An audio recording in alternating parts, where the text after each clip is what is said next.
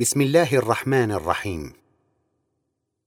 الحمد لله رب العالمين والصلاة والسلام على سيدنا محمد صاحب الآي الكريم والخلق العظيم. أما بعد لازلنا نتحدث في تأويل الآيات الكريمة من مطلع سورة البقرة. في الحلقة السابقة بدأنا الحديث في شرح الآيات الكريمة التي تقص قصة سيدنا آدم عليه الصلاة والسلام أبو البشرية ومعلمها. وتوقفنا عند شرح الآية الكريمة. وعلم آدم الأسماء كلها ثم عرضهم على الملائكة فقال أنبئوني فقال أنبئوني بأسماء هؤلاء إن كنتم صادقين. أقول لقد خلق الله تعالى سيدنا آدم صلى الله عليه وسلم وأخرجه إلى هذا الوجود. وقد عظم صلى الله عليه وسلم فضل خالقه عليه وقدر إحسانه إليه. وبهذا التقدير والتعظيم اتجهت نفسه إلى الله تعالى مقبلة عليه. وبما أن النفس البشرية مثلها كمثل المرآة الصافية حيثما وجهتها انطبعت فيها آثار ما اتجهت إليه. لذلك انطبعت في نفس سيدنا آدم صلى الله عليه وسلم انطباعات من الأسماء الإلهية وبهذا صار له علم بها كلها. وإلى ذلك أشارت الآية الكريمة في قوله تعالى وعلم آدم الأسماء كلها ثم عرضهم على الملائكة فقال أنبئوني فقال أنبئوني بأسماء هؤلاء إن كنتم صادقين. وعلم آدم الأسماء كلها. الرحيم العليم القدير الحليم أسماء الله الحسنى. تلك هي الأسماء التي علمها الله تعالى سيدنا آدم صلى الله عليه وسلم. إنما هي أسماء الحضرة الإلهية التي تجعل ممن سيكون خليفة الله في الأرض حقيقا بذلك المقام جديرا بهذا المنصب. فإن من صار له علم باسم الله تعالى الرحمن بما انطبع في نفسه من الرحمة الإلهية يضحي جديرا بأن يكون خليفة الله في خلقه. قال تعالى في سورة آل عمران مشيرا إلى هذه الناحية مخاطبا رسوله سيدنا محمدا صلى الله عليه وسلم. فبما رحمة من الله لنت لهم ولو كنت فظا غليظ القلب لانفضوا من حولك فاعف عنهم واستغفر لهم وشاورهم في الأمر. فإذا عزمت فتوكل على الله. إن الله يحب المتوكلين. وقال جل شأنه في سورة التوبة لقد جاءكم رسول من أنفسكم عزيز عليه ما عنتم حريص عليكم بالمؤمنين رءوف رحيم. فبما انطبع في نفس رسول الله صلى الله عليه وسلم من الرحمة التي اكتسبها بإقباله على خالقه صار لينا مع الخلق لطيفا في معاملتهم حريصا على هدايتهم ودلالتهم رؤوفا رحيما بهم وذلك ما يتطلبه مقام الخلافة من صفات تحققت في نفس سيدنا محمد صلى الله عليه وسلم. وفي نفس سيدنا آدم صلى الله عليه وسلم من قبل. لا بل في نفس كل رسول ونبي ومرشد كل على حسب إقباله على خالقه وقربه منه. ومن لم يحصل له الإقبال على الله ولم تنطبع في نفسه تلك الأسماء الإلهية فلم يكتسب من خالقه الرحمة والرافه والعدل والحلم والحكمة. وغير ذلك من الصفات الكاملة فليس أهلا لأن يقوم في ذلك المقام. وقد أشار تعالى إلى تحقق هذه الصفة في نفوس أصحاب رسوله الكرام في قوله تعالى في سورة الفتح محمد رسول الله والذين معه أشداء على الكفار رحماء بينهم.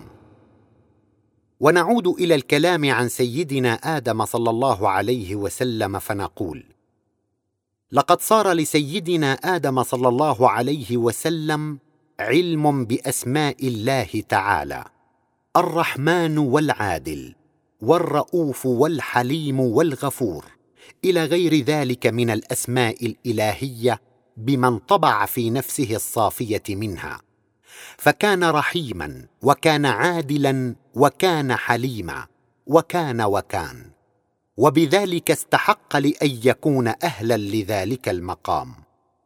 أما ما يذهب إليه أناس من أن الله تعالى علم سيدنا آدم صلى الله عليه وسلم القصعة والقصيعة وأسماء الحيوانات والنباتات وغير ذلك من الموجودات فذلك بعيد كل البعد عن ذلك المعنى العالي الذي تشير إليه الآية الكريمة.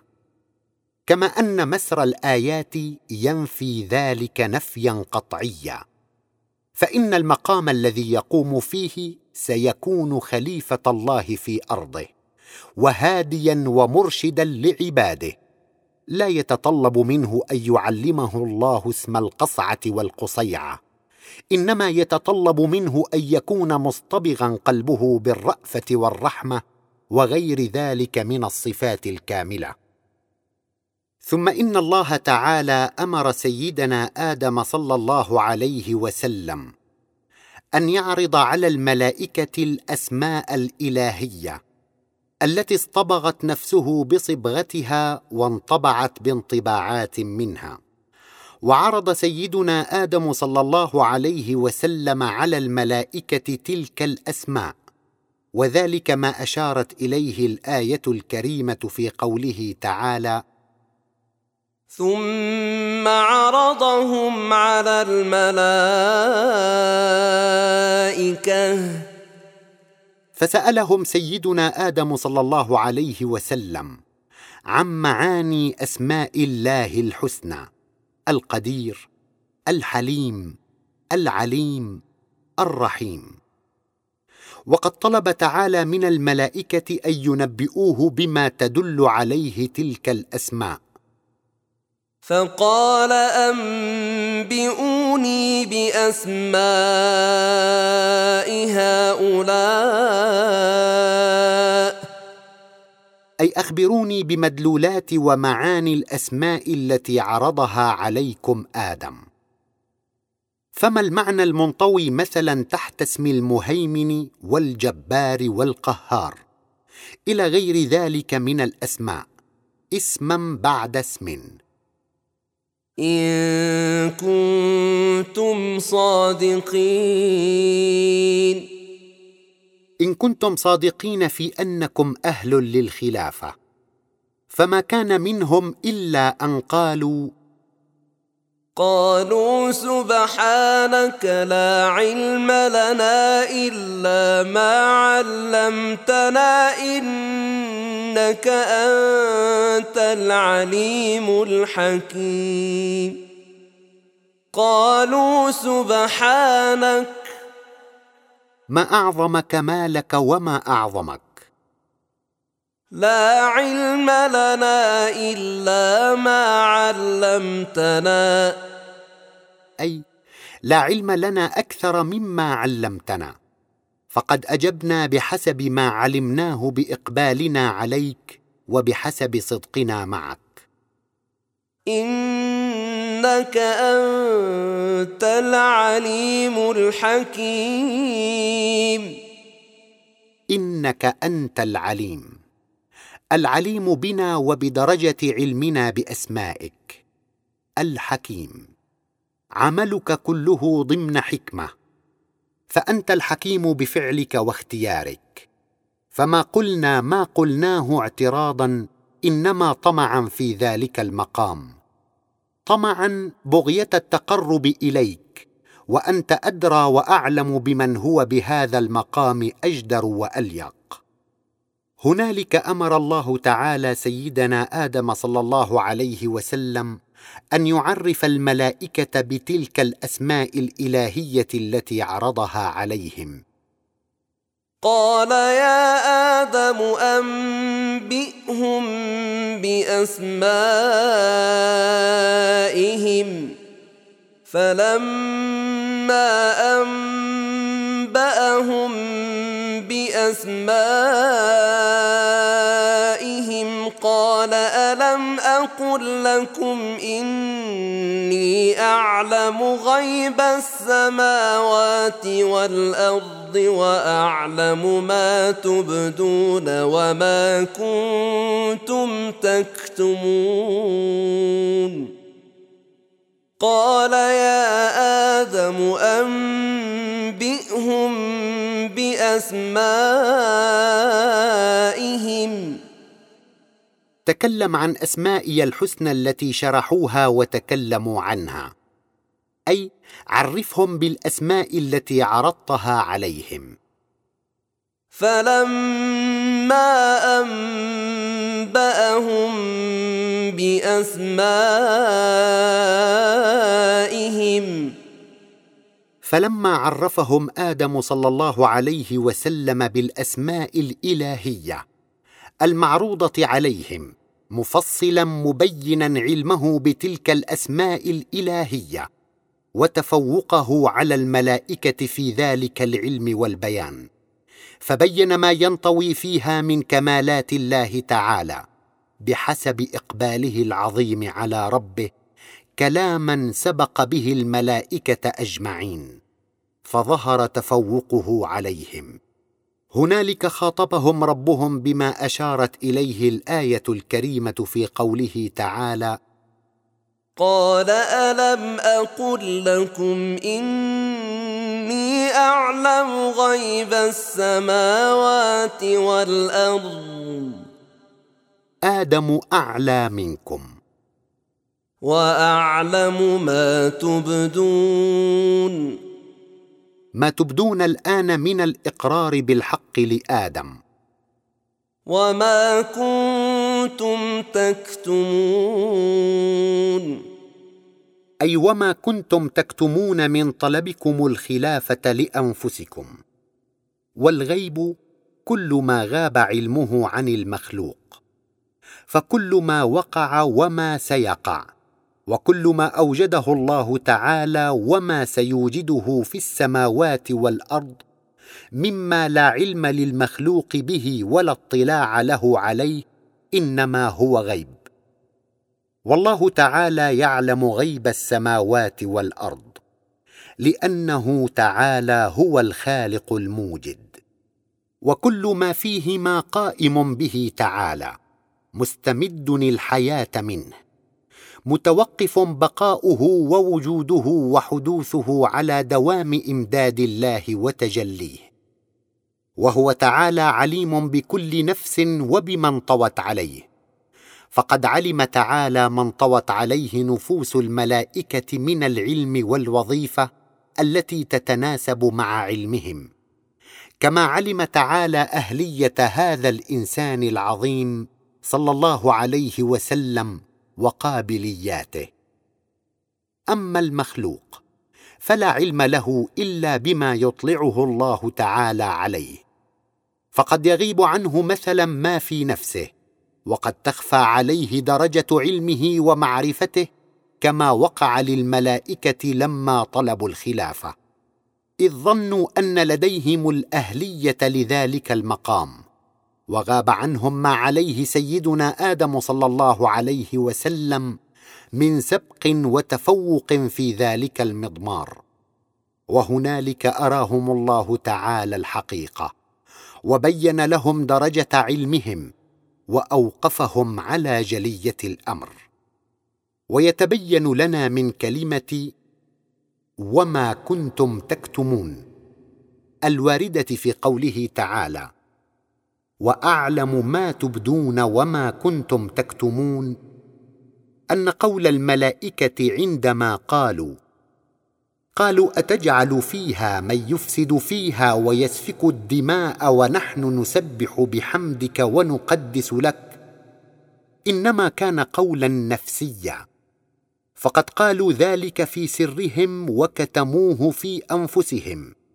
فاطلع الله تعالى عليه وخاطبهم به وأراهم من علم سيدنا آدم صلى الله عليه وسلم ما أراهم.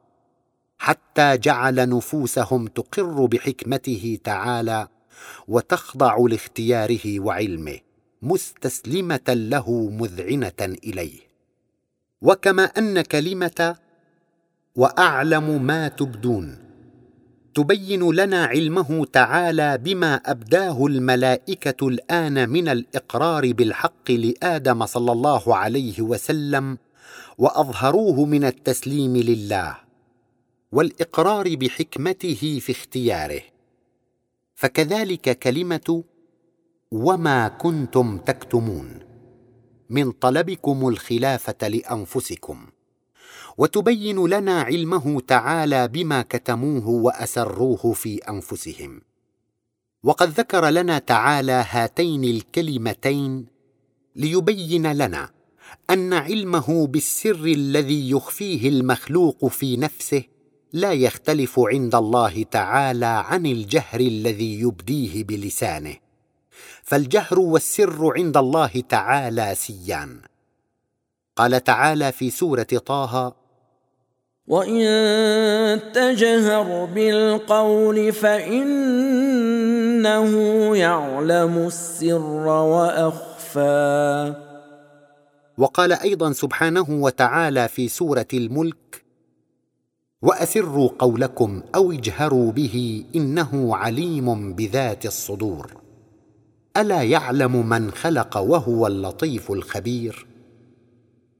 والآن وبعد أن بينا المراد من كلمة الأسماء الواردة في الآيات السابقة لا بد لنا من الإجابة على سؤال نستطيع أن نلخصه بما يلي.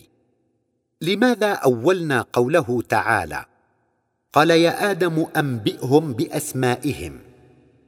أي أنبئهم بأسماء التي عرضتها عليهم. مع أن الكلمة قد وردت في الآية الكريمة بأسمائهم ولم ترد بأسماء.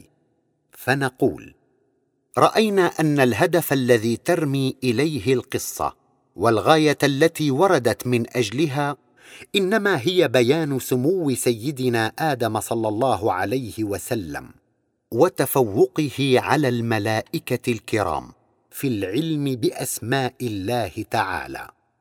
ذلك التفوق الذي جعله خليقا بمقام الخلافة. وقد كنا بينا أن ذلك الهدف يقضي بأن يكون المراد من كلمة الأسماء الواردة في هذه القصة إنما هو الأسماء الإلهية. وإن مسر القصة ينفي ما سوى ذلك من المعاني التي تتناولها كلمة الأسماء نفيا قطعيا ولهذا فتكرار كلمة الأسماء في هذه القصة إنما يعني الأسماء الإلهية دون سواها إذ هي موضوع الخطاب ومحور القصة. وكلمة بأسمائهم لا تعني والحالة هذه أسماء الملائكة إنما تعني الأسماء الإلهية المعروضة عليهم لأن معرفة سيدنا آدم صلى الله عليه وسلم بأسماء الملائكة لا يزيده عند الله رفعة ولا يجعله أسمى من الملائكة منزلة. ولعلك تقول لماذا لا نؤول كلمة فلما أنبأهم بأسمائهم أي بما عرفوه هم من أسماء ربهم فنقول لو أولنا معنى الآية بهذا التأويل لما كان لسيدنا آدم صلى الله عليه وسلم تلك المكانة التي سما بها متفوقا على الملائكة جميعا. لأنه إنما أنبأهم بشيء عرفوه من قبل وأدركوه. وبهذا لا يكون خليقا بأن يستحق الخلافه ويكون أسمى منهم مقاما لأنه لم يزد على شرح الملائكة للأسماء المعروضة عليهم شيئا. وما هو بذلك البيان إلا كواحد منهم. ولكنه إنما أنبأهم بتلك الأسماء الإلهية المعروضة عليهم مبينا فيها بيانا عاليا تفوق به عليهم جميعا. بقي علينا أن نبين الفرق في المعنى بين كلمة بأسمائهم حسبما وردت في الآيات الكريمة وبين كلمة باسمائي التي جعلناها موضوعا لسؤالنا الذي نحن بصدده فنقول لو أن الخطاب في الآية الكريمة قد جاء أنبئهم باسمائي بدلا من أنبئهم بأسمائهم لاختلف المعنى اختلافا كليا لأن كلمة أنبئهم باسمائي معناها أنبئهم بكل اسم من اسمائي على وجه الإحاطة. وبما أنه ليس يستطيع مخلوق أن يحيط باسم الرحمن فيعلم مبلغ رحمة الله تعالى فينبئ الخلق بها. وليس يستطيع أن يحيط أحد باسم العليم فيعلم علم الله تعالى وينبئ الخلق به. وكذا سائر الأسماء الإلهية. ولذلك لم ترد الآية أنبئهم بأسمائي. إنما وردت أنبئهم بأسمائهم أي بأسمائهم التي عرضتها عليهم والتي شرحوها هم مبينا مبلغ علمك منها. وما ينطوي فيها من الكمال بحسب إقبالك العظيم. والحقيقة أنه لا يعلم أسماء الله إلا الله تعالى. ولا يحيط أحد بها علما إذ لا حد لها ولا انتهاء. وكل ما في الأمر أن الأسماء الإلهية إنما يشاهد الإنسان منها بقدر قربه من الله تعالى. ويتوسع في تعريف غيره برحمة الله ورأفته وعلمه وسائر أسمائه وذلك إلى حد ما. والله واسع عليم. فكلما وصلت إلى درجة من العلم بأسماء الله فأسماؤه تعالى أوسع وأوسع. وكلما بلغت مرتبة في ذلك المضمار فربك سبحانه أعلى وأرفع وفوق كل ذي علم عليم. أما وقد ظهر للملائكة الكرام سبق سيدنا آدم صلى الله عليه وسلم في العلم بأسماء الله سبقا فاقهم فيه جميعا. هنالك أمرهم الله تعالى أن يقبلوا عليه بصحبة آدم صلى الله عليه وسلم فيتخذوه سراجا منيرا لنفوسهم واماما لهم في إقبالهم عليه تعالى. لذلك أمر الله تعالى الملائكة بالسجود لسيدنا آدم صلى الله عليه وسلم قال تعالى واذ قلنا للملائكه اسجدوا لادم فسجدوا الا ابليس ابى واستكبر وكان من الكافرين واذ قلنا للملائكه اسجدوا لادم أي اطلبوا منه بواسطته العلم والمعرفة. اربطوا نفوسكم معه لتدخلوا عليه. فتشاهدوا مشاهدات أعلى وأجل من مشاهداتكم. فسجدوا. أي الملائكة كلهم. إلا إبليس. لجهله. إذ لم يكن يعرف شيئا عن الله. أبلس عليه الأمر فما عرف عن الله إلا أنه خالق. ابى ابى عن السجود. قال أنا أكبر من آدم وأعظم منه. واستكبر. واستكبر عن آدم صلى الله عليه وسلم. وكان من الكافرين. ما فكر بآيات الله؟ لو فكر وعظم لخضع لآدم ونال من الكمالات والسعادة ما نال. وفي ختام حلقتنا نستودعكم الله. آملين اللقاء بكم في الحلقة القادمة إن شاء الله. لنتابع تأويلنا في آيات سورة البقرة. عمكم الله بكل خير والسلام عليكم ورحمة الله وبركاته.